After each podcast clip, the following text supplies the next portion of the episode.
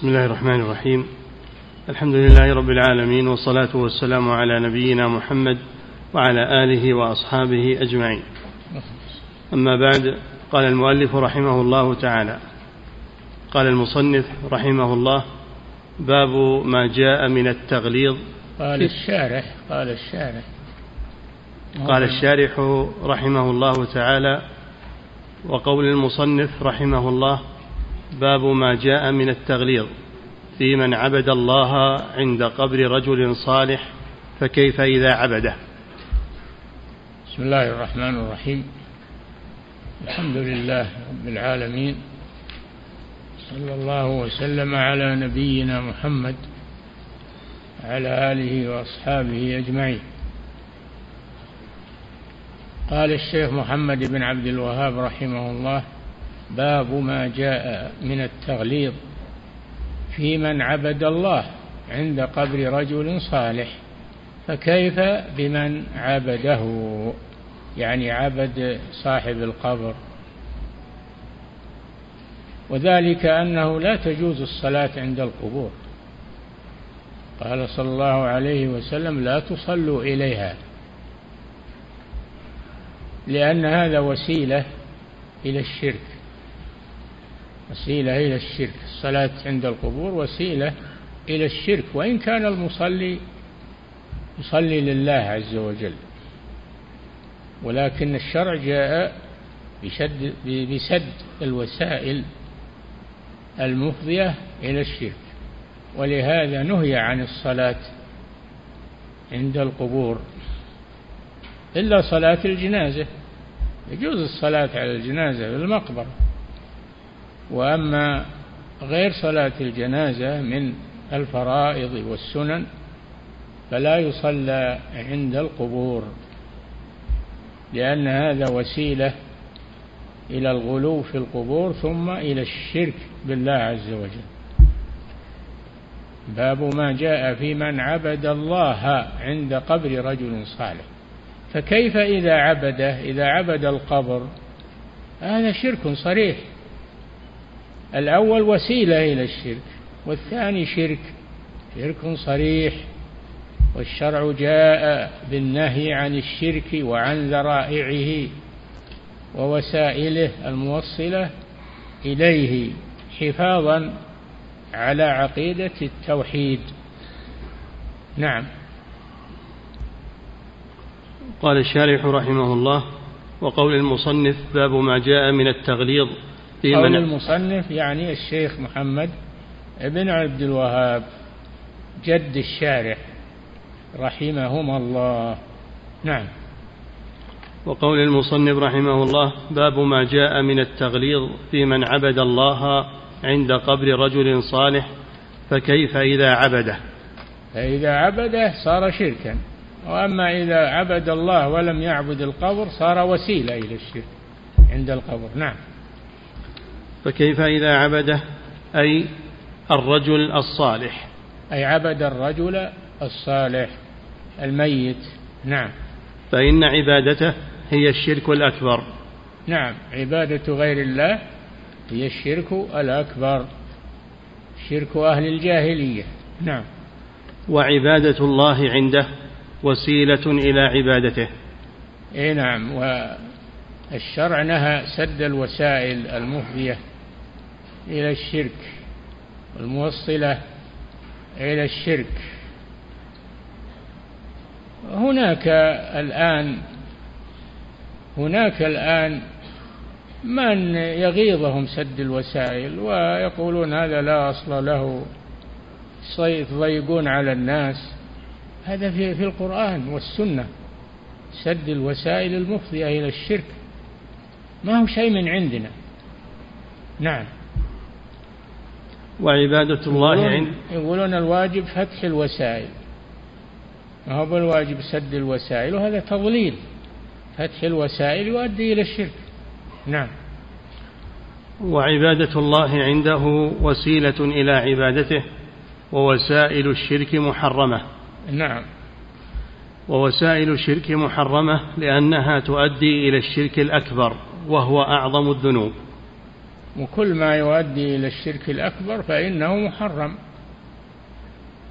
وإن كان أصله مباحا لكن إذا كان يفضي إلى الشرك الأكبر ووسيلة فإنه محرم. نعم. قال المصنف رحمه الله في الصحيح عن عائشة رضي الله عنها أن أم سلمة رضي الله عنها ذكرت لرسول الله صلى الله عليه وسلم كنيسة رأتها بأرض الحبشة وما فيها من الصور.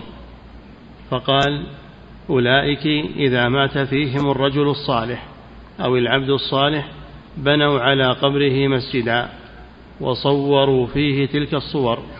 أولئك شرار الخلق عند الله. فهؤلاء نعم. أم سلمة رضي الله عنها هاجرت مع زوجها أبي سلمة إلى الحبشة لما ضايق المشركون أصحاب رسول الله صلى الله عليه وسلم في مكة أذن لهم بالهجرة إلى الحبشة عند النجاشي وهو نصراني ولكنه كان عادلا لا يظلم أحد عنده. فالنبي صلى الله عليه وسلم أمر أصحابه المضايقين في مكة ومنهم عثمان بن عفان رضي الله عنه بالهجرة إلى الحبشة فرارا بدينهم وبعدا عن ضغط الكفار والمشركين. نعم. فهؤلاء جمعوا بين الفتنتين فتنة القبور وفتنة التماثيل. جمعوا يقول شيخ الإسلام هذه الكلمة مأخوذة من كلام شيخ الإسلام ابن تيمية. هؤلاء الذين يعظمون القبور جمعوا بين فتنتين فتنة الشرك والعياذ بالله وفتنة وسائل الشرك. فهؤلاء فهؤلاء جمعوا بين الفتنتين فتنة القبور وفتنة التماثيل. فتنة القبور وهي الصلاة عندها وتعظيم القبور وفتنة التماثيل وهي الصور المنحوتة على شكل إنسان. منحوتة على شكل إنسان سواء كان مثل ما مثل ما فعل قوم نوح لما مات الصالحون في زمانهم حزنوا عليهم. فجاءهم الشيطان بصورة مناصح وبصورة يعني وبصورة مشفق عليهم من الحزن الذي فيهم قال صوروا صورهم وانصبوها فوق مجالسهم حتى تتذكروا أحوالهم.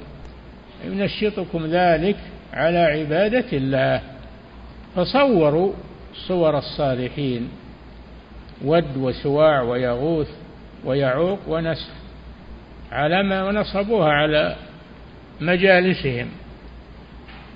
ولم تعبد في وقت العلماء. كان فيهم علماء فلم تعبد لأن العلماء يمنعونهم من ذلك وينهونهم عن ذلك. الشيطان لا يريد أهل هذا العصر الذي فيه العلماء يريد عصر ياتي ليس فيه علماء فيدب إليهم.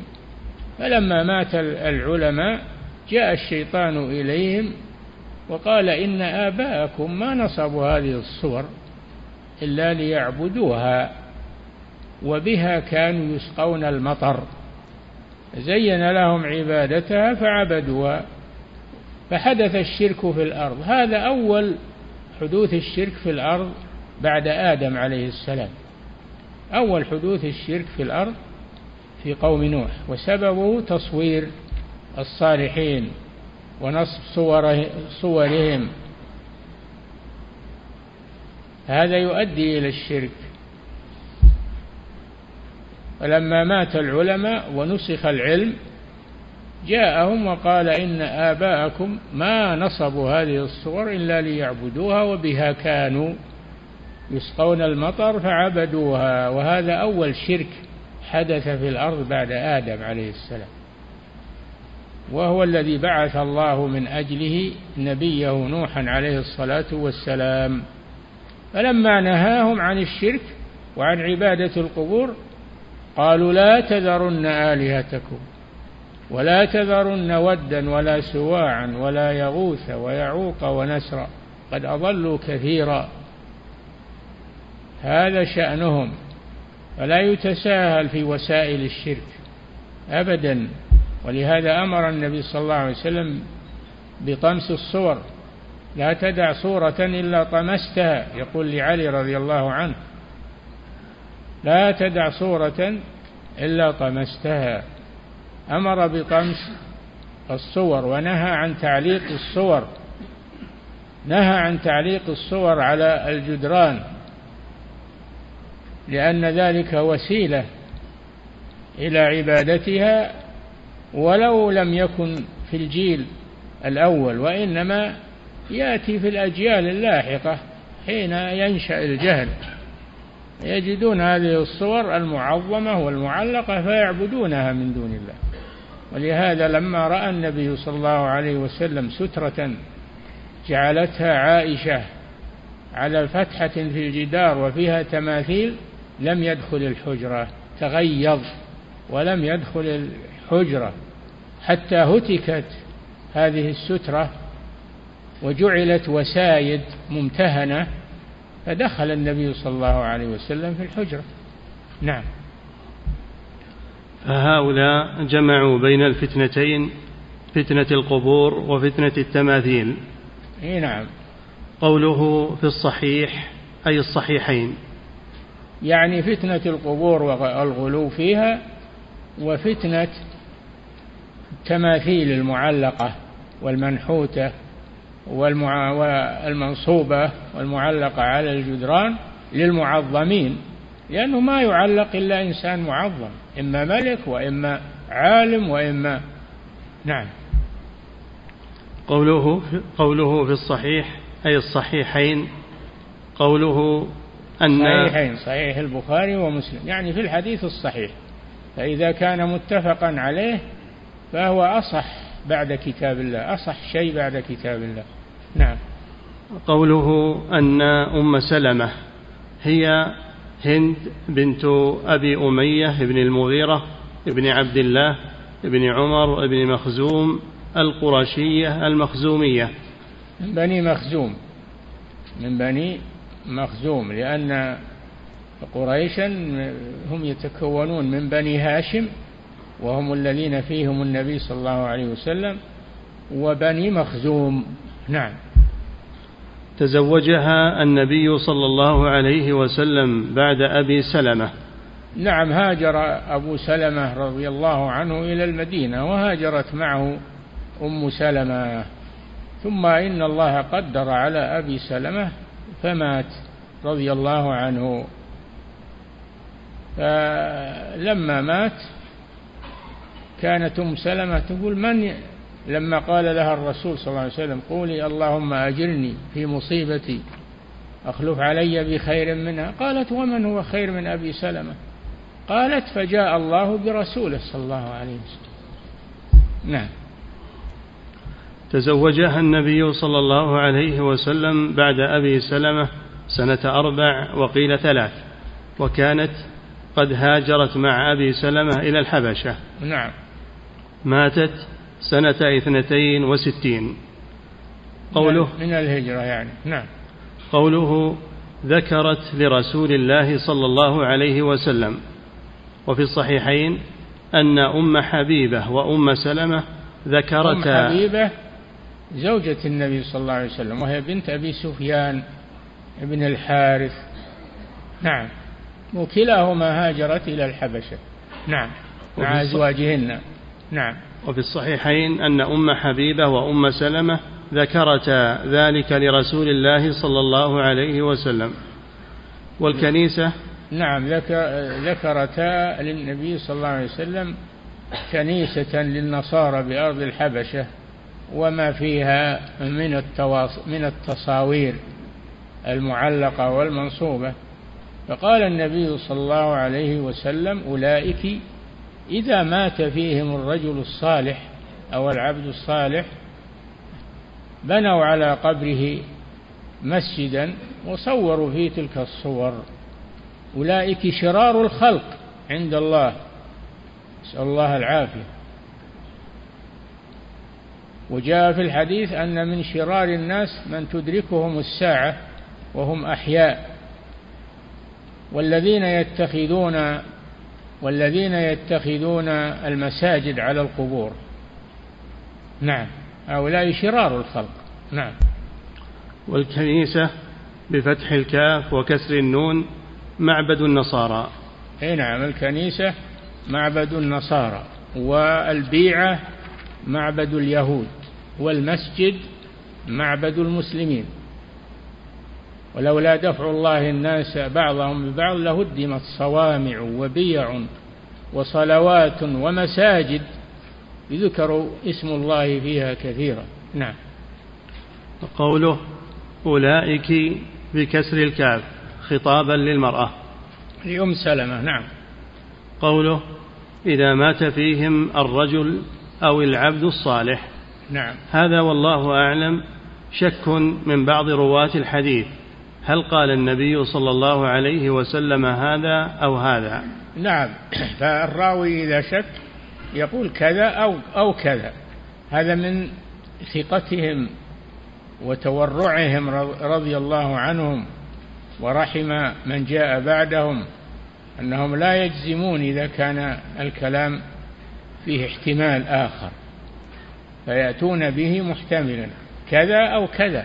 نعم. هذا والله أعلم شك من بعض رواة الحديث هل قال النبي صلى الله عليه وسلم هذا أو هذا؟ ففيه التحري في الرواية.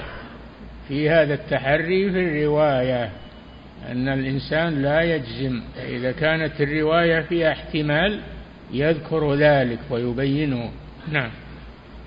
ففيه التحري في الرواية وجواز الرواية بالمعنى. الرواية بالمعنى يعني أولئك إذا مات فيهم العبد الصالح أو الرجل الصالح يعني هذا شك من الراوي لم يجزم بأحد الأمرين هذا من الثقة في الرواية وفيه التحري في الرواية وأنه لا يجزم إلا بما إلا بما لا يحتمل معنى آخر. نعم. قوله وصوروا فيه تلك الصور. الإشارة إلى ما ذكرت أم سلمة وأم حبيبة من التصاوير التي في الكنيسة. أي نعم. قوله أولئك شرار الخلق عند الله. وهذا شرار الخلق عند الله. اللي يبنون مساجد على القبور شرار الخلق عند الله جمع شرير. وهم يقولون هذا من محبة الصالحين. نبني عليها من محبة الصالحين. هذا محبة للصالحين. ما يجوز هذا. محبة الصالحين لا تكون بالدعاء لهم والاقتداء بهم لا للبناء على قبورهم. يقولون لهم حق علينا فنبني على قبورهم أداء للواجب. نسأل الله العافية. يزين لهم الشيطان ذلك. ما هنا أفضل من صحابة رسول الله صلى الله عليه وسلم؟ وكانوا في عهده يدفنون في البقيع يدفنون في البقيع ولا يجعل عليهم قباب ولا يجعل عليهم إشارات. حتى الكتابة نهى عنها صلى الله عليه وسلم ونهى عن تجصيص القبور نهى عن ذلك لأن هذا وسيلة إلى الشرك. فكانوا يدفنون تحت التراب ويسوى عليهم التراب ولا يزاد على ذلك. في عهد الرسول صلى الله عليه وسلم صحابة الرسول أفضل هذه الأمة.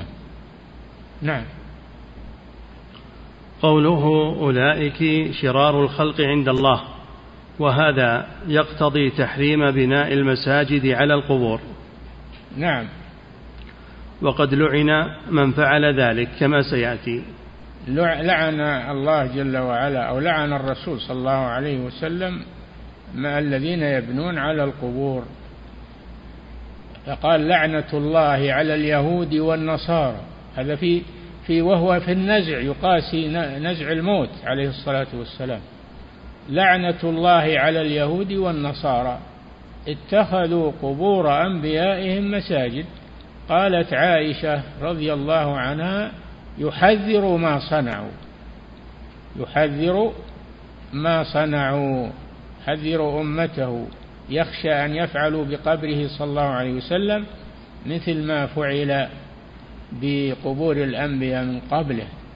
ولذلك دفن في بيته في حجرة عائشة رضي الله عنها محافظة عليه من الغلو ومن الشرك. دفن في بيته ولم يبرز مع أصحابه. في البقيع. لا خشية عليه من الغلو. قالت عائشة ولولا ذلك لأبرز قبره لكنه خشي أو خشي أن يتخذ مسجدا. نعم.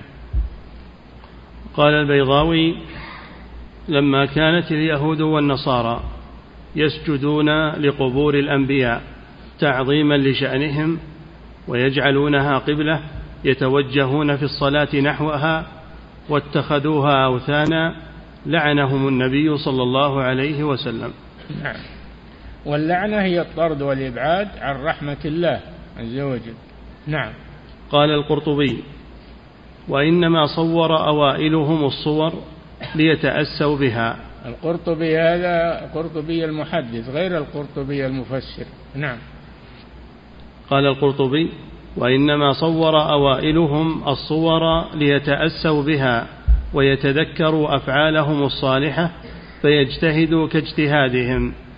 ويعبدوا هذا, هذا ما زينه الشيطان لهم. يقول صوروا صورهم من أجل أن تقتدوا بهم وتنشطوا على العبادة وما أشبه ذلك. هذا القصد. ولكن هذا لا لا يجيز. هذا القصد وإن كان حسنا يعني الاقتداء بهم والاقتداء بأفعالهم ومحبتهم هذا مشروع ولكن ليس معنى ذلك إنهم يبنى لهم مشاهد أو مساجد يدفنون فيها. نعم. وإنما صور أوائلهم الصور ليتأسوا بها ويتذكروا أفعالهم الصالحة فيجتهدوا كاجتهادهم ويعبدوا الله عند قبورهم. ولكن هذا لا يجوز هذا القصد لا يجوز. وإن كان قصدهم صالحا فلا يجوز هذا العمل. لماذا؟ لأنه وسيلة إلى الشرك. فلا ينظر إلى نية الفاعل وإنما ينظر إلى الفعل وما يؤدي إليه. نعم. ثم خلفهم قوم جهلوا مرادهم ووسوس لهم الشيطان. أن أسلافهم كانوا يعبدون هذه الصور ويعظمونها. كما فعل بقوم نوح كما فعل الشيطان بقوم نوح. نعم. فحذر النبي صلى الله عليه وسلم عن مثل ذلك سدا للذريعة المؤدية إلى ذلك. نعم المؤدية إلى الشرك. نعم. قوله فهؤلاء جمعوا بين فتنتين فتنة القبور وفتنة التماثيل. هذا من كلام شيخ الإسلام ابن تيمية. نعم. ذكره المصنف رحمه الله. تنبيها على ما وقع من شدة, من شدة الفتنة بالقبور والتماثيل فإن الفتنة بالقبور كالفتنة بالأصنام أو أشد. إيه نعم. ولهذا قال صلى الله عليه وسلم اللهم لا تجعل قبري وثنا يعبد. قبر النبي صلى الله عليه وسلم ما يجوز الغلو فيه ولا يجوز التمسح به ولذلك صانه الله وحماه ودفن وراء الجدران ما يراه أحد ولا يصل إليه أحد حماية لقبره من الغلو والشرك بالله عز وجل. نعم. فإن الفتنة بالقبور كالفتنة بالأصنام أو أشد قال شيخ الإسلام القبور أشد لأنها قبور صالحين ف هي أشد من الأصنام اللي هي حجارة ولا شجر ولا نعم. قال شيخ الإسلام وهذه العلة التي لأجلها نهى الشارع صلى الله عليه وسلم عن اتخاذ المساجد على القبور. هي إيه نعم التي بناء المساجد على القبور. المساجد ما هي بتبنى المساجد إيه؟ الرسول حث على بناء المساجد من بنى لله مسجدا قبل قدر مفحص قطات. بنى الله له بيتا في الجنة فبناء المساجد للصلاة فيها وذكر الله مشروع وهو من أفضل الأعمال. لكن إذا كان المسجد مبنيا على قبر فهذا محرم. وإن كان مسجد محرم بناء المسجد على القبر محرم لأنه وسيلة إلى الشرك. نعم. قال شيخ الإسلام وهذه العلة التي لأجلها نهى الشارع صلى الله عليه وسلم عن اتخاذ المساجد على القبور هي التي أوقعت كثيرا من الأمم إما في الشرك الأكبر أو فيما دونه من الشرك. إي نعم. والآن في كثير من بلاد أمصار المسلمين المسجد اللي ما فيه قبر ما له قيمة عندهم ولا يتوجهون إليه. ما يتوجهون إلا إلى القبور المساجد التي على القبور. وهذا هو الذي خشيه النبي صلى الله عليه وسلم حين نهى عن عن بناء المساجد على القبور. نعم. فإن النفوس قد أشركت بتماثيل الصالحين وتماثيل يزعمون أنها طلاسم الكواكب ونحو ذلك فإن الشرك نعم لأن المشركين على قسمين قسم يعبدون القبور والأشجار والأحجار وقسم يعبدون الكواكب يجعلون لها صور ويعبدونها. وهذا شرك البابليين الذين بعث إليهم إبراهيم الخليل عليه الصلاة والسلام في في بابل وملكهم النمرود وحصل على إبراهيم منهم ما حصل. ثم هاجر إلى الشام عليه الصلاة والسلام وذهب بإسماعيل وأمه إلى مكة. نعم. فإن النفوس قد أشركت بتماثيل الصالحين وتماثيل يزعمون أنها طلاسم الكواكب ونحو ذلك. هؤلاء المنجمون عباد النجوم وهم البابليون قوم نمرود يعبدون الكواكب. نعم. فإن الشرك بقبر الرجل الذي يعتقد صلاحه أقرب إلى النفوس من الشرك بخشبة أو حجر. أي نعم الشرك بعبادة الصالحين أقرب إلى الشرك بالأشجار والأحجار لأن القلوب تتعلق بالصالحين أكثر. نعم. فإن الشرك بقبر الرجل الذي يعتقد صلاحه أقرب إلى النفوس من الشرك بخشبة أو حجر. ولهذا تجد أهل الشرك يتضرعون عندها ويخشعون ويخضعون. نعم تجد عباد القبور يبكون عندها ويصيحون ويعكفون عندها ويجدون من الخشية والخوف عندها أكثر مما يجدونه في المساجد التي هي بيوت الله عز وجل. هذا من الفتنة. نعم. ولهذا تجد أهل الشرك يتضرعون عندها ويخشعون ويخضعون ويعبدون بقلوبهم عبادة لا يفعلونها في بيوت الله ولا وقت السحر. هنا نعم ما يفعلونها في المكان الفاضل أو الزمان الفاضل. المكان الفاضل المساجد والزمان الفاضل مثل وقت السحر آخر الليل. نعم. ومنهم وقت النزول الإلهي. نعم. ومنهم من يسجد لها. إي نعم إذا فتح الباب وصلوا إلى هذا الحد صاروا يسجدون لها. ويتبركون بتربتها ويتمرغون عليها. نسأل الله العافية. نعم. ومنهم من يسجد لها وأكثرهم يرجون من بركة الصلاة عندها والدعاء ما لا يرجونه في المساجد. نعم. يرجون الإجابة عند القبور أكثر مما يرجونها في المساجد التي هي بيوت الله. أذن الله أن ترفع ويذكر فيها اسمه. نعم.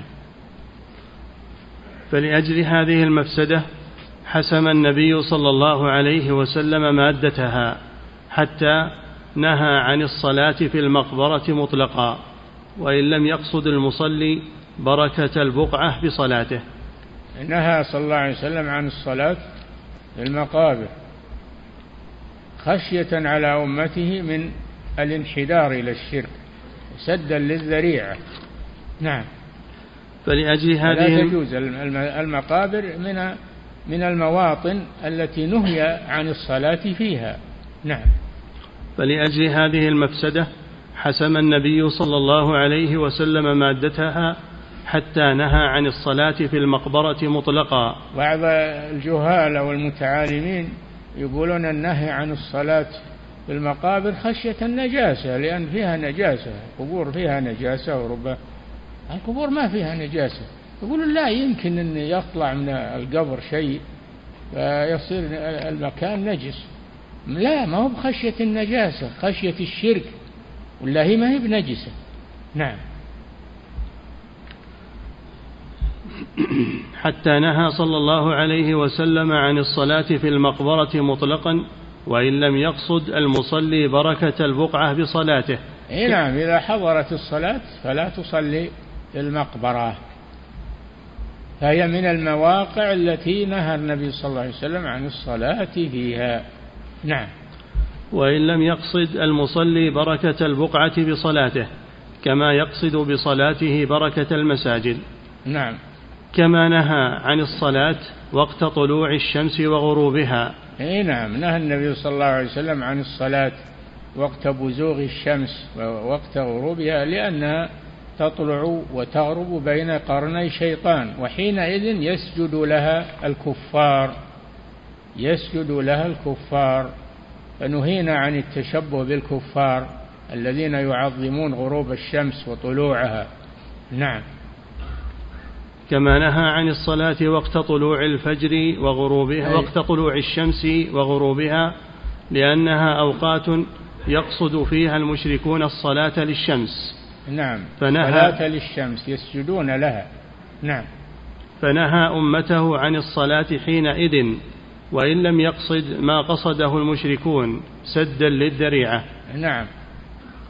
وأما إذا قصد الرجل الصلاة عند القبور متبركا بالصلاة في تلك البقعة فهذا عين المحادة لله ولرسوله والمخالفة لدينه وابتداع دين لم يأذن به الله.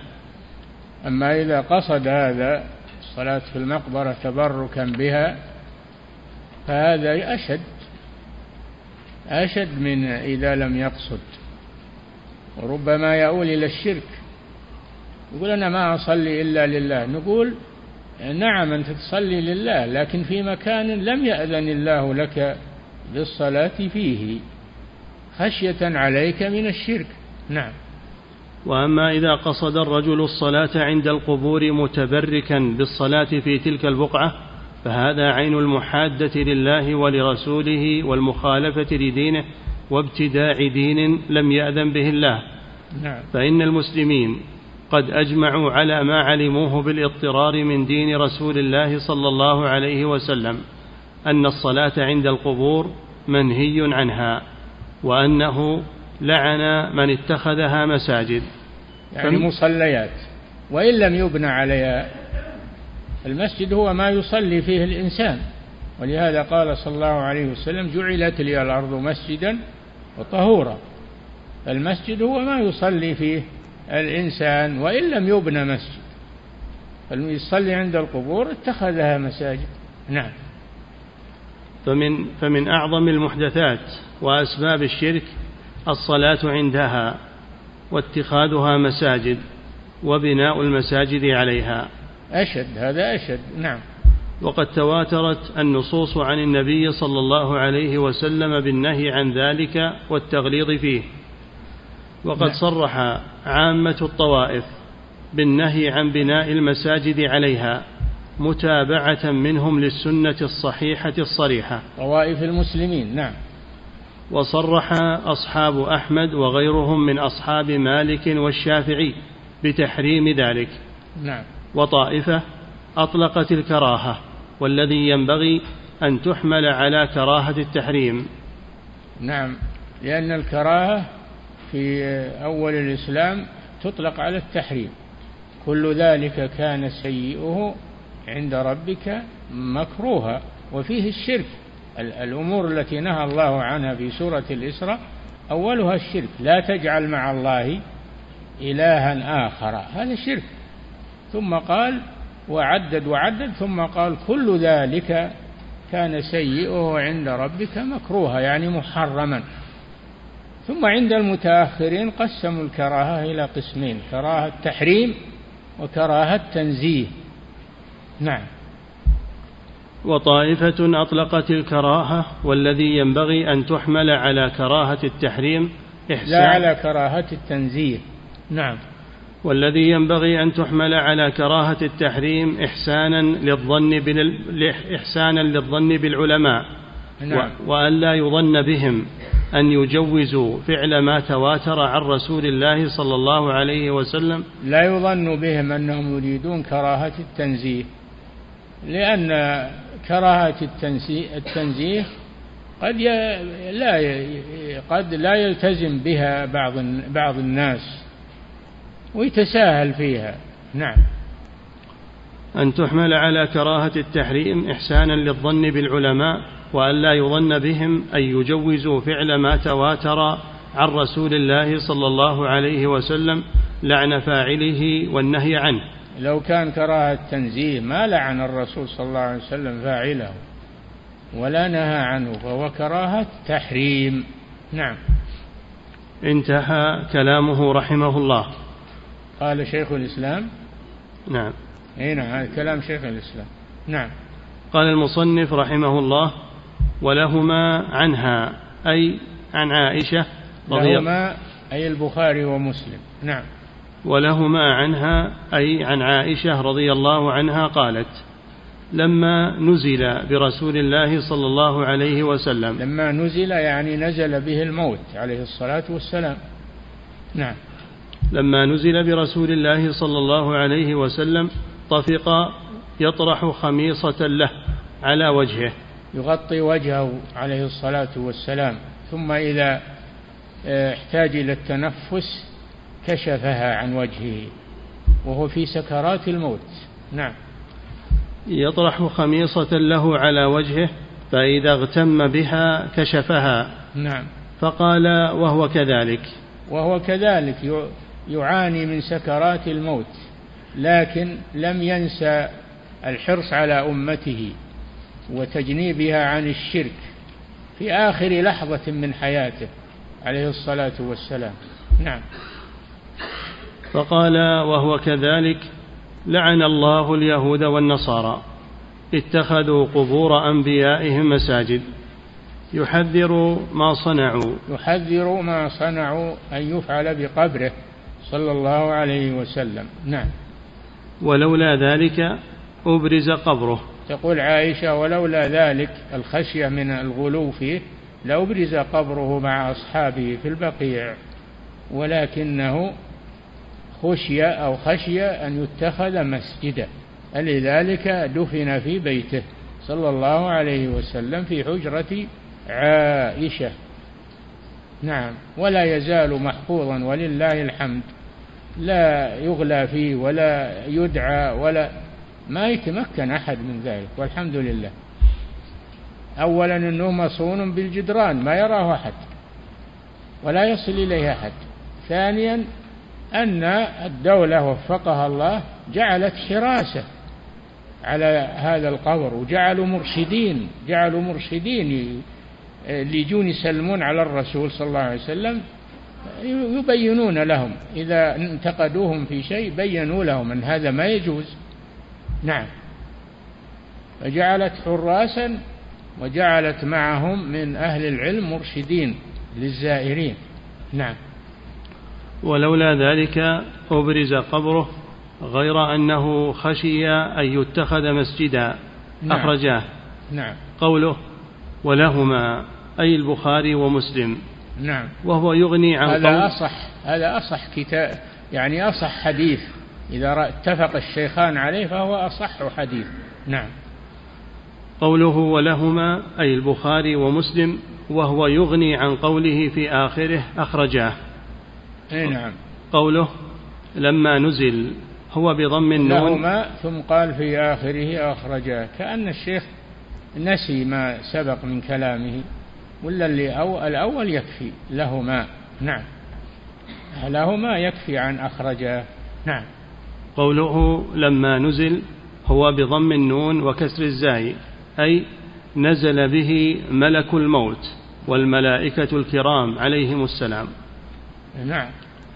قوله والرسول يجري عليه ما يجري على البشر من المرض ومن الموت. وقد توفي صلى الله عليه وسلم. وما جعلنا لبشر من قبلك الخلد أفإن مت فهم الخالدون. كل نفس ذائقة الموت. الأنبياء وغيرهم. نعم. قوله طفق بكسر الفاء وفتحها. طفق هذه من أفعال الشروع عند النحاة أفعال الشروع. طفق, طفق وأخذ يفعل كذا وكذا. نعم. قوله طفق بكسر الفاء وفتحها والكسر أفصح. طفق أو طفق. نعم. والكسر أفصح وبه جاء القرآن ومعناه جعل. معناه جعل من أفعال الشروع. طفق يخصفان عليهما من ورق الجنة يعني الأبوين عليهما السلام. نعم. قوله خميصة بفتح المعجمة والصاد المهملة كساء له أعلام. نعم الخميصة كساء له أعلام لأنهم كانوا يلبسون الإزار والرداء والخميصة هي الرداء. نعم. قوله فإذا اغتم بها كشفها أي عن وجهه. نعم. قوله لعن الله اليهود والنصارى اتخذوا قبور أنبيائهم مساجد. يبين أن من فعل مثل ذلك. حل عليه من اللعنة ما حل على اليهود والنصارى. وهذا من شفقته بأمته وهو يعاني من سكرات الموت ما نسي التحذير أمته من الشرك ووسائله. نعم. قد بلغ البلاغ المبين صلى الله عليه وسلم. نعم.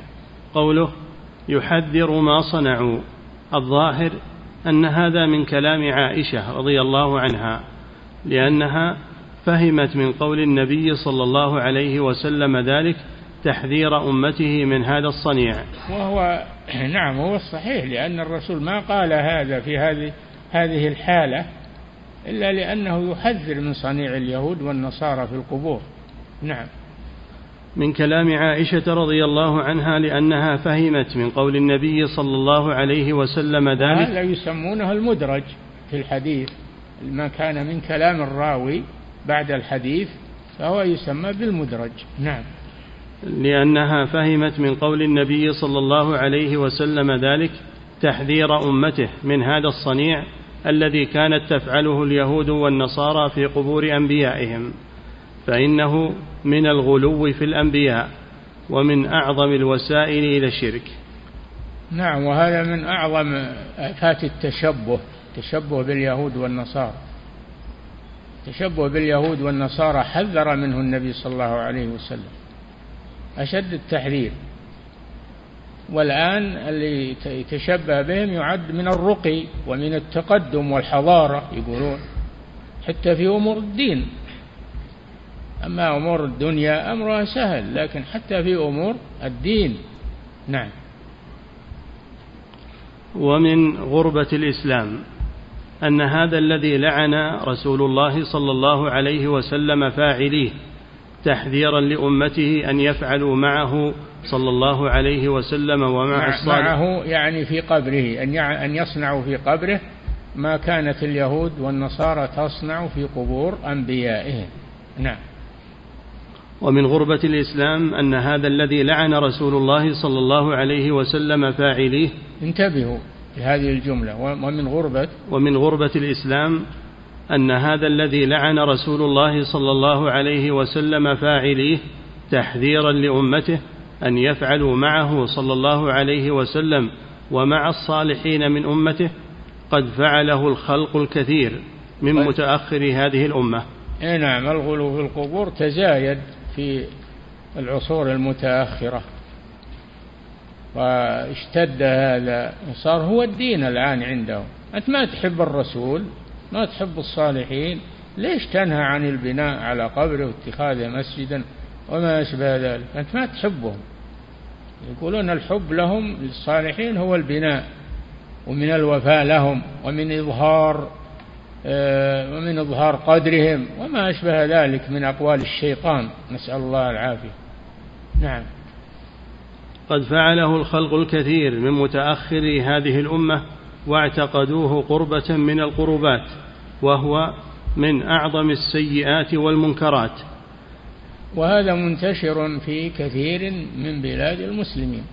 إلا هذه البلاد ولله الحمد حماها الله بدعوة هذا الإمام.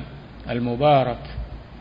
فصارت ملتزمة بما شرعه الرسول صلى الله عليه وسلم في القبور. فتجد أن العامي والعالم والصالح وغيرهم يدفنون سواء ولا يصير هذا القبر هذا ميزة على غيره. كما كان الصحابة في البقيع على عهد رسول الله صلى الله عليه وسلم ما يظهر لأحدهم علامة على قبره أو بناء أو أو كتابة أو ما أشبه ذلك. نعم. وهو من أعظم السيئات والمنكرات وما شعروا أن ذلك محادة لله ورسوله. نعم. قال القرطبي في معنى هذا الحديث. القرطبي هذا شارح مسلم صاحب المعلم المعلم على صحيح مسلم وهو غير القرطبي المفسر. نعم. قال القرطبي في معنى هذا الحديث وكل ذلك لقطع الذريعة المؤدية إلى عبادة من فيها كما كان السبب في عبادة الأصنام. انتهى. كلام جيد كلام القرطبي. نعم المقصود من هذا هو وكل ذلك لقطع الذريعة. قطع الذريعة يعني سد الوسيلة. نعم. وكل ذلك لقطع الذريعة المؤدية إلى عبادة من فيها كما نعم لأنها إذا بني عليها وكتب عليها وجصصت بالجص أو غيره وزينت جعل عليها الستور وصناديق النذور فإن العوام يفتتنون بها. والقبر المجرد اللي ما عليه شيء ما يلتفتون له اللي على السنة ما يلتفتون له.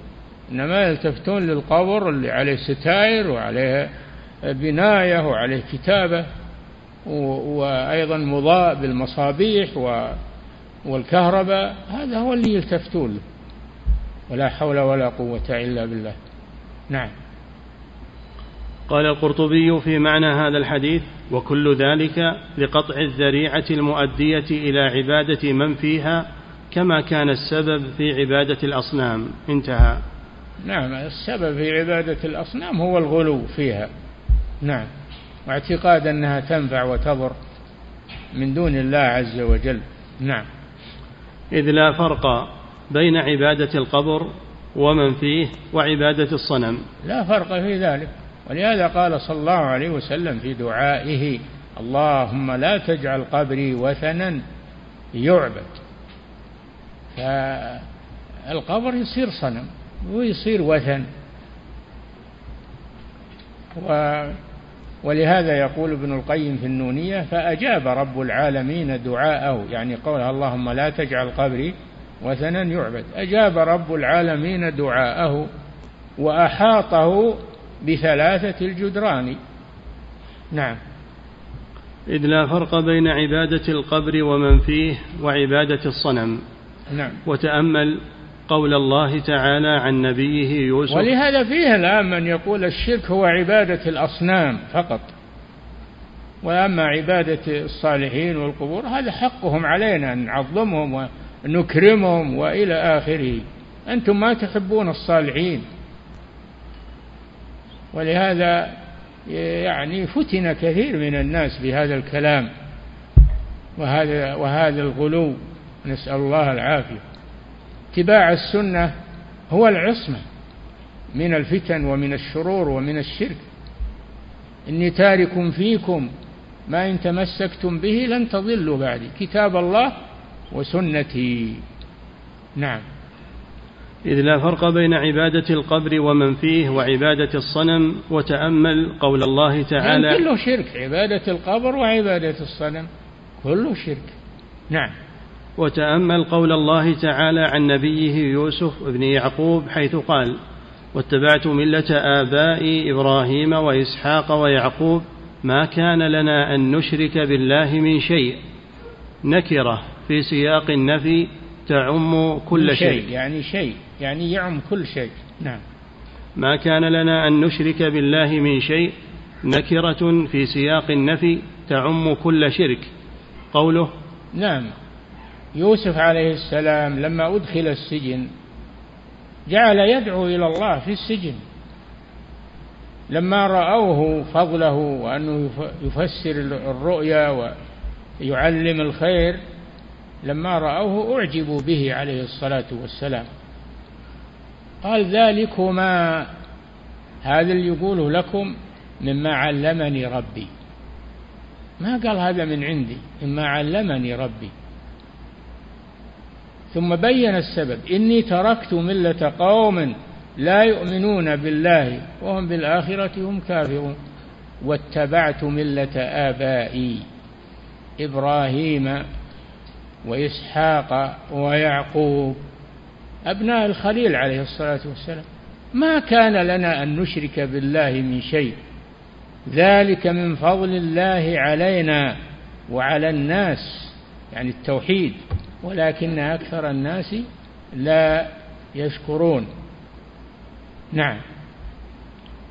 قوله ولولا ذلك أي ما كان يحذر من اتخاذ قبر النبي صلى الله وقوله ولولا ذلك أي ما كان يحذر من اتخاذ قبر النبي صلى الله عليه وسلم مسجدا لأبرز قبره مع قبور أصحابه الذين كانت قبورهم في البقيع. نعم. قوله غير أنه خشي أن يتخذ مسجدا روي بفتح الخاء. خشي يعني الرسول صلى الله عليه وسلم. نعم. وضمها. ضمها خشي خشي أي خشي الصحابة رضي الله عنهم إن أبرزوا قبره أن يتخذ مسجدا.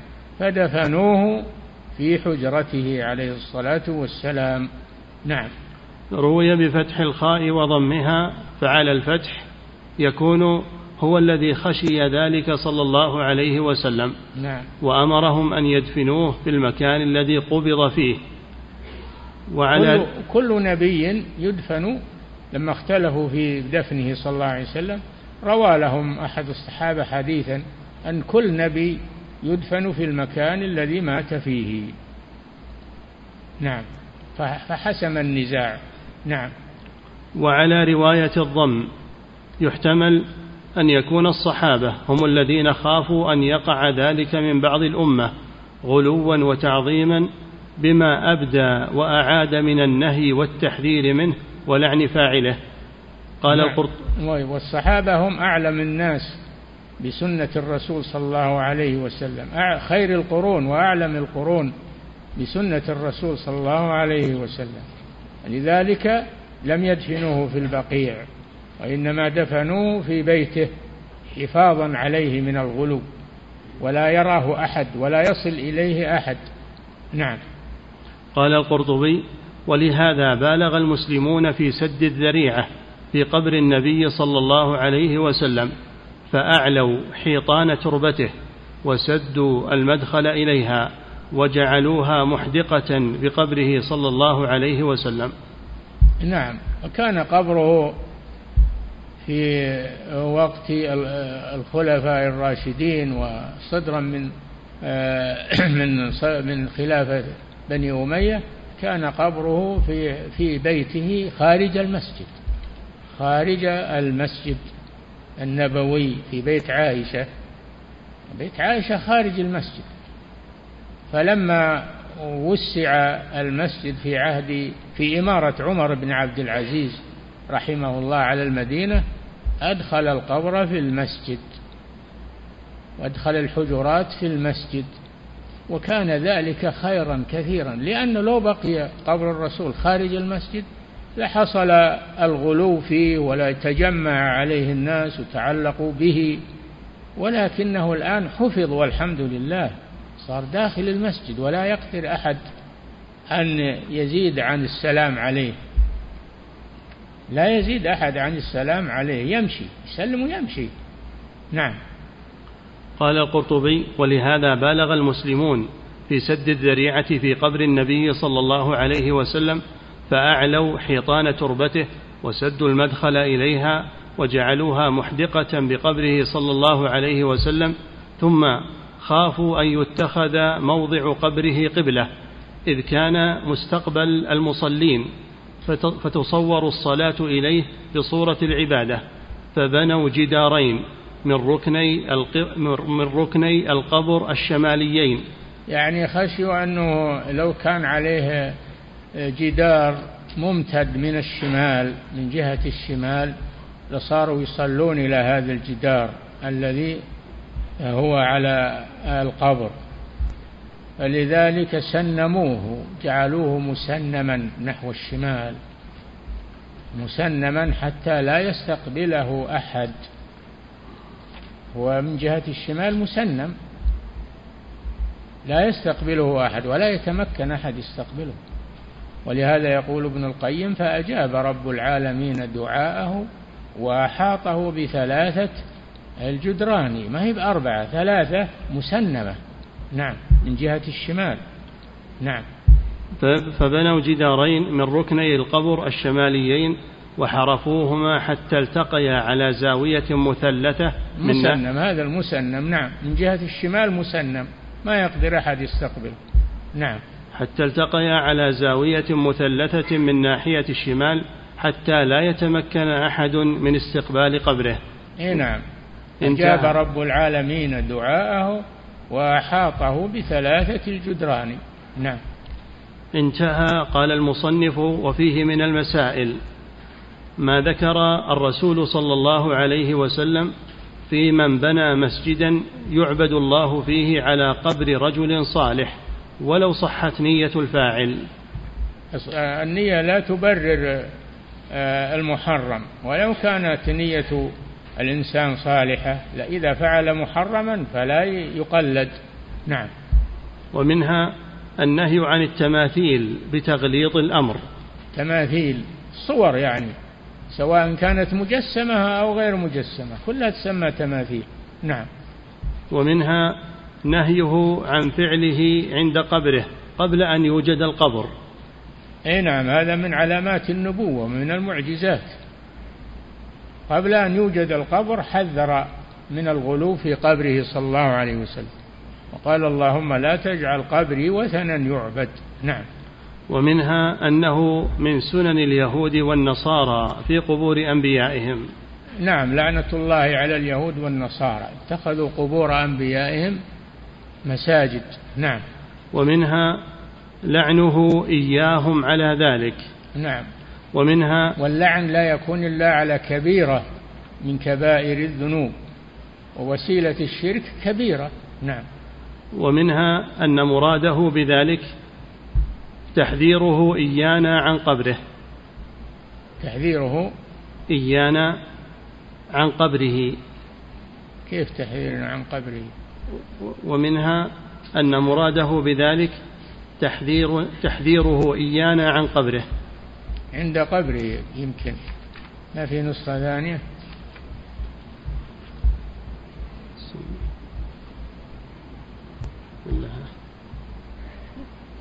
ولا تراجع الأصل اللي هو فتح العزيز الحميد الأصل الشيخ سليمان. نعم. ومنها أنها هي العلة في عدم إبرازه. أي نعم العلة في عدم إبرازه خشية أن يتخذ مسجدا. قالت عائشة ولولا ذلك لأبرز قبره. نعم. قال المصنف رحمه الله ولمسلم. يكفي نقف عند هذا. ويكون هذا هو آخر درس في هذا العام إن شاء الله فإلى العام القادم بإذن الله. نعم.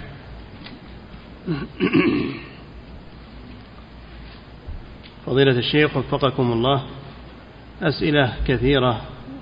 تسأل عن قبر النبي صلى الله عليه وسلم وما يستدل به بعض القبوريين من أنه موجود في المسجد فكيف تنكرون علينا ذلك؟ ليس موجودا في المسجد في في خلافة الخلفاء الراشدين كلهم وهو خارج المسجد. لكن لما وسع المسجد لما وسع المسجد في في خلافة بني أمية وكان أمير المؤمنين عمر بن عبد العزيز كان أمير المدينة عمر بن عبد العزيز أمروه بأن يدخل القبر وهذا فيه صار فيه صالح لأن الله جعله في صيانة لو أن قبره آه، مبني عليه خارج لاجتمع الناس عليه وتركوا المسجد. ولكن أدخل في المسجد حفاظا عليه وعليه حراسة وعنده مرشدون ولا يتمكن أحد من أن يفعل شيئا منكرا أو محرما أو شركا. هذا من لطف الله جل وعلا. نعم. فضيلة الشيخ وفقكم الله هذا سائل يقول في بعض الدول الإسلامية يقومون بزيارة القبور ومن ثم الصلاة عندها عن جهل منهم. يقول ما طريقة النصيحة لمثل هؤلاء؟ والله ما أظنه جهل منهم لأن الآن الحمد لله انتشرت الدعوة إلى الله بواسطة وسائل الإعلام. صاروا يسمعون خطب الجمع والمحاضرات والنهي عن ذلك. لكن بعضهم ما يريد أنه يتزحزح عما هو عليه أو عليه آباؤه وأجداده. نعم. فضيلة الشيخ وفقكم الله هذا سائل يقول ترقيم القبور بالأرقام. يقولون هذا إذا نهوا عن ذلك قالوا هذه الوهابية هذا دين الوهابية. الوهابية ما لها دين خاص. دينها دين الرسول صلى الله عليه وسلم ودين خلفائه الراشدين. هذا دين الوهابية. ما جاءت بشيء جديد إنما جددت جددت سنة الرسول صلى الله عليه وسلم. نعم. فضيلة الشيخ وفقكم الله هذا سائل يقول ترقيم القبور بالأرقام. لا ما يجوز هذا. هذه كتابة ولا يجوز. فلا يجعل على القبور كتابة أو أرقام. نعم. فضيلة الشيخ وفقكم الله هذا سائل يقول هل يجوز الصلاة على الميت؟ يقول في المقبرة. إي نعم. الصلاة على الميت في المقبرة لا بأس بذلك. نعم. فضيلة الشيخ وفقكم الله. هذا سائل يقول يقول قبر والدتي في مجرى سيل وقد وضعت عليه أسمنت حماية له فهل يجوز لي هذا الفعل؟ إذا كان حماية له من السيل فلا بأس. نعم. فضيلة الشيخ وفقكم الله. جعله على القبر يعني أو جعل جدارا يحول دون السيل وبين القبر. يقول وضعت عليه. إيه لا ما يجوز هذا. يجب أن تصرف السيل. تعمل شيء يصرف السيل إلى مجرى آخر. أما أن تجعل اسمنت على قبر أمك فهذا لا يجوز. البناء على القبور لا يجوز. نعم. فضيلة الشيخ وفقكم الله. هذا سائل يقول يقول بالنسبة للتصوير هل هو المراد بالتماثيل التي ورد النهي عنها؟ عام تصوير عام. لعن المصورين صلى الله عليه وسلم وهذا يعم المصورين في النحت والمصورين بالرسم والمصورين بالآلة الفوتوغرافية. فلا يجوز التصوير إلا للضرورة للضرورة فقط. تصوير الحوادث أو تصوير آه، مثلا تصوير الشخص لأجل البطاقة الشخصية أو لأجل جواز السفر أو لأجل رخصة القيادة هذا ضروري. والضرورة تباح عند الحاجة إليها. نعم. فضيلة الشيخ وفقكم الله هذا سائل يقول نحن مجموعة من طلاب المنح الذين يدرسون في هذه البلاد المباركة وسنسافر إلى بلادنا في الإجازة الصيفية بإذن الله. يوجد في بلادنا بعض الشركيات وبعض البدع. ما نصيحتكم لنا في هذه الأمور؟ عالجوها برفق وطمأنينة وبينوا لهم بينوا لهم هذا وانصحوهم. وإن شاء الله سيكون لكم أثر. نعم. ودرسوهم أيضا درسوهم التوحيد. اعقدوا حلقات أو دورات في بلادكم للتوحيد وعلموهم نعم. فضيلة الشيخ وفقكم الله هذا سائل يقول من خارج هذه البلاد يقول في بلدنا بعض المتصوفة وهم يتكلمون على أهل السنة ويحذرون منا. سؤاله هل يجوز أن نلقي السلام على هؤلاء المتصوفة؟ السلام عليهم من أجل دعوتهم؟ نعم لا بأس. أما السلام عليهم تحية واستئناس بهم هذا لا يجوز. نعم. فضيلة الشيخ وفقكم الله هذا سائل يقول والدي له صديق من الصوفية يحتفل بعيد المولد النبوي. ها يقول؟ يقول والدي عنده صديق من الصوفية وهذا الصديق يحتفل بعيد المولد النبوي. يقول ووالدي يطلب مني المال لأجل أن يعطيه إلى ذاك الرجل. هل يجوز لي أن أعطيه مالا طاعة للوالد؟ بعد نصيحته ينصح عن هذا الفعل ويبين له أنه حرام فإن انتهى فيعطى. إذا لم ينتهي لا يعطى. نعم.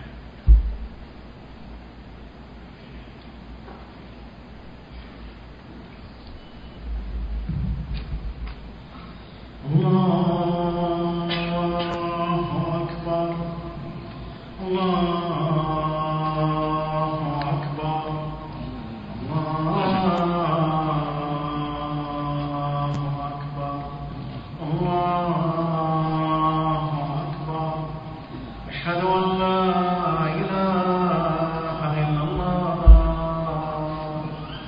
Hello.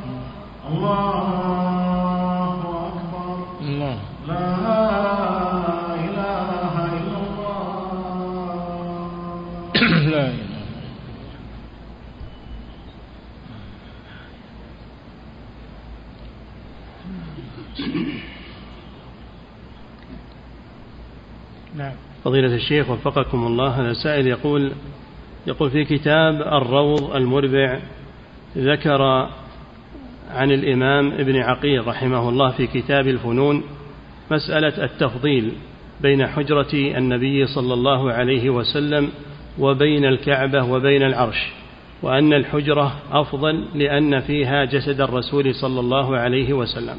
يقول هذا لا يجوز هذا من الغلو في حق الرسول صلى الله عليه وسلم. نعم.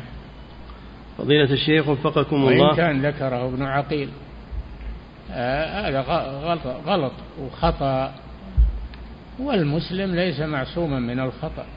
نعم. لكن لا يقلد ولا يتبع في ذلك. نعم. فضيلة الشيخ وفقكم الله.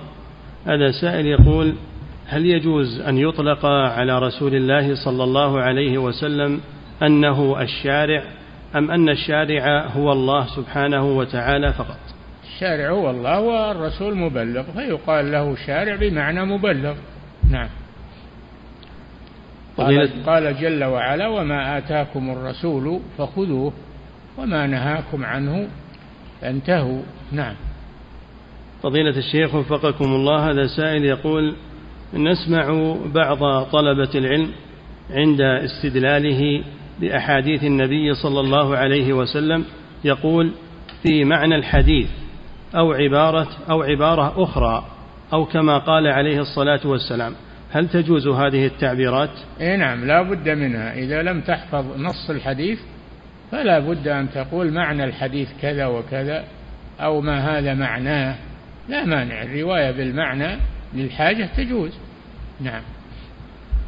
فضيلة الشيخ وفقكم الله هذا سائل يقول بالنسبة للشعار الذي يوضع على الصيدليات وهو الثعبان الذي يضع سمه في كأس يقال بأن هذا إشارة إلى إله الشفاء فهل يعد هذا من الشرك؟ وهل ينكر على من وضع إذا؟ ثبت هذا إذا ثبت تقول يقال إذا ثبت ما هو بيقال إذا ثبت هذا فلا بأس إن هذا شعار شرك ويجب إزالته. نعم. فضيلة الشيخ وفقكم الله. في لعن الرسول صلى الله عليه وسلم من بنى مسجدا على القبور يقول إذا رأيت شخصا قد فعل ذلك فهل أبادره باللعن؟ إذا كان جاهلا بين له أول بين له أول وانصحه في ذلك وبلغه قل هذا حديث الرسول. لا تقول أنا لا تلعنه أنت بلغه بحديث الرسول أنه لعن. كذا وكذا. نعم. فضيلة الشيخ وفقكم الله يقول السائل بعض الأصوليين يقولون إن النهي عن الصلاة عند القبور إنما يعود إلى المكان لا إلى ذات الصلاة فالصلاة صحيحة مع الإثم. هل ما ذكروه صحيح؟ لا لا ما هو صحيح. ولا نعرف الأصوليين اللي قالوا هذا. نعم. فضيلة الشيخ وفقكم الله النهي يقتضي البطلان. النهي يقتضي البطلان. بطلان الشيء المنهي عنه. نعم.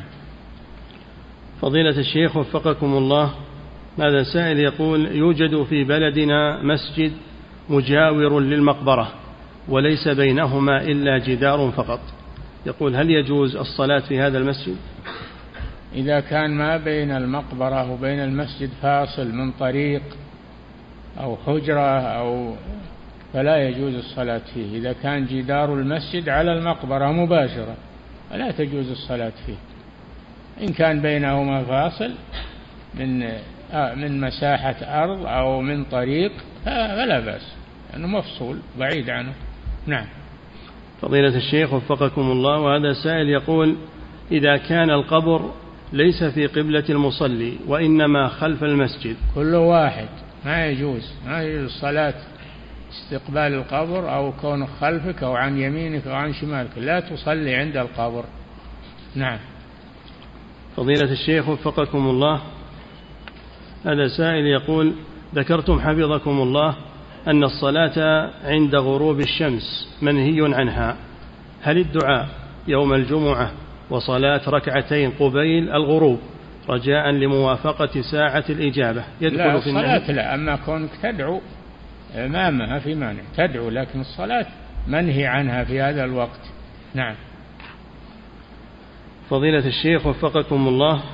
هذا سائل يقول وأما حديث وهو قائم يصلي. فالمراد يصلي يعني يدعو لأن الصلاة تطلق على الدعاء. قائم يصلي يعني قائم يدعو. نعم. فضيلة الشيخ وفقكم الله.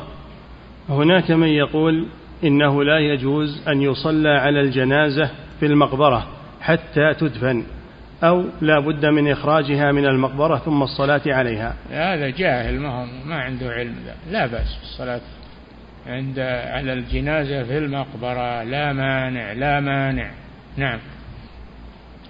فضيلة الشيخ وفقكم الله إذا ذكر العلماء أن هذا الأمر وسيلة إلى الشرك فهل يقال إنه من قبيل الشرك الأصغر؟ وسيلة إلى الشرك أصغر أو أكبر؟ نعم. يشمل الأكبر والأصغر. نعم. فضيلة الشيخ وفقكم الله هذا سائل يقول انتشر في هذه الأزمان في المقبرة أن يأتي أناس بسيارات محملة بالماء البارد ويوزعونها داخل المقبرة. يقول هل يجوز هذا الفعل؟ هذا منه ما الأمر سهل لكن خاف يتطور إلى يجيبون طعام ويجيبون صدقات ما يجوز هذا. إذا تطور ما يجوز يمنع. أما الاقتصار على الماء الناس يعطشون لا سيما في الصيف فلا بأس به وتركه أولى. تركه أولى. نعم. فضيلة الشيخ وفقكم الله. هذا سائل يقول هل هناك فرق بين كون المسجد قد بني أولا ثم دفن فيه أحد وبين القبر هو الأول؟ ذكر العلماء رحمهم الله أنه إذا كان المسجد هو الأول ودفن فيه الميت فإن الميت ينبش ويدفن مع المقابر. أما إذا كان الأول هو القبر وبني عليه المسجد أخيرا فإن المسجد يهدم. نعم. فضيلة الشيخ وفقكم الله هذا سائل يقول هل تنصحون ببناء المساجد خارج هذه البلاد في مكان يقول يعرف بالتصوف والبناء على القبور لأنها رغبة من والدي؟ لا ما نعينهم على ما هم عليه من البدعة ومن آه، الشرور ما نعينهم. نبني المساجد في مكان من أهل السنة ومن أهل العقيدة الصحيحة. نعم. فضيلة الشيخ وفقكم الله يقول السائل كيف الجمع بين النهي عن بناء المساجد على القبور وبين ما ورد في قوله سبحانه في سورة الكهف؟ قال الذين غلبوا على أمرهم لنتخذن عليهم مسجدا. يا أخي الجواب في الآية نفسها. قال الذين غلبوا على أمرهم لنتخذن عليهم مسجدا. غلبوا على أمرهم. ما شاوروا أهل الخير وأهل إنما أخذوا برأيهم وبإمارتهم وقوتهم. فقوله غلبوا على أمرهم هذا إنكار من الله عليهم. نعم. فضيلة الشيخ وفقكم الله عند زيارة قبر النبي صلى الله عليه وسلم والسلام عليه إذا أراد المسلم الدعاء فهل يكون متجها إلى القبلة أم نعم. إلى القبر؟ نعم. يقول بعد زيارة قبر النبي صلى الله عليه وسلم والسلام عليه. نعم. هل يجوز يقول الدعاء مستقبل القبر أم لا بد من لا ما يجوز الدعاء مستقبل القبر. مستقبل القبلة. ينصرف عن القبر ويستقبل القبلة ويدعو بعيدا عن القبر. حتى ما يكون قريب من القبر. سدا للذريعة. نعم. فضيلة الشيخ وفقكم الله. والمسجد النبوي واسع والحمد لله. نعم. فضيلة الشيخ وفقكم الله. هذا سائل يقول ما الطريقة الصحيحة الشرعية لدعوة أهل البدع من القبوريين وغيرهم لأننا قد حاولنا معهم في بلادنا كثيرا وكثيرا ولم يتوبوا إلى الله؟ تصروا على الدعوة إلى الله والبيان ولا تيأسوا. نعم. فضيلة الشيخ وفقكم الله هذا سائل يقول هل تجوز إنارة المقابر؟ لا هذا حرام. لعن صلى الله عليه وسلم آه، الذين يبنون على القبور والمتخذين عليها المساجد والسرج. ما يجوز هذا. نعم. فضيلة الشيخ وفقكم الله هذا سائل يقول هل يجوز للنساء أن يذهبن لزيارة قبر النبي صلى الله عليه وسلم والسلام عليه خاصة؟ لا. نهى صلى الله عليه وسلم عن زيارة النساء للقبور. لعن الله زوارات القبور. وهذا يدخل في قبره وغيره من القبور. فلا تذهب المرأة للسلام على الرسول وإنما تسل تصلي وتسلم عليه وهي في المسجد. نعم. فضيلة الشيخ. صلوا علي حيث كنتم فإن صلاتكم تبلغني. الملائكة تبلغ الرسول صلى الله عليه وسلم. نعم. فضيلة الشيخ وفقكم الله هذا سائل يقول مدح الكفار بمثل العدل والنظام والمحافظة على الوقت استدلالا بقوله سبحانه ومنهم من إن تأمنه وحديث فإنه لا يظلم عنده أحد. يقول ما حكم ذلك؟ ما يمدح الكفار لأنك إذا مدحتهم أدخلت تعظيمهم على الناس فلا تمدحهم. نعم. انتهى يا شيخ. والله تعالى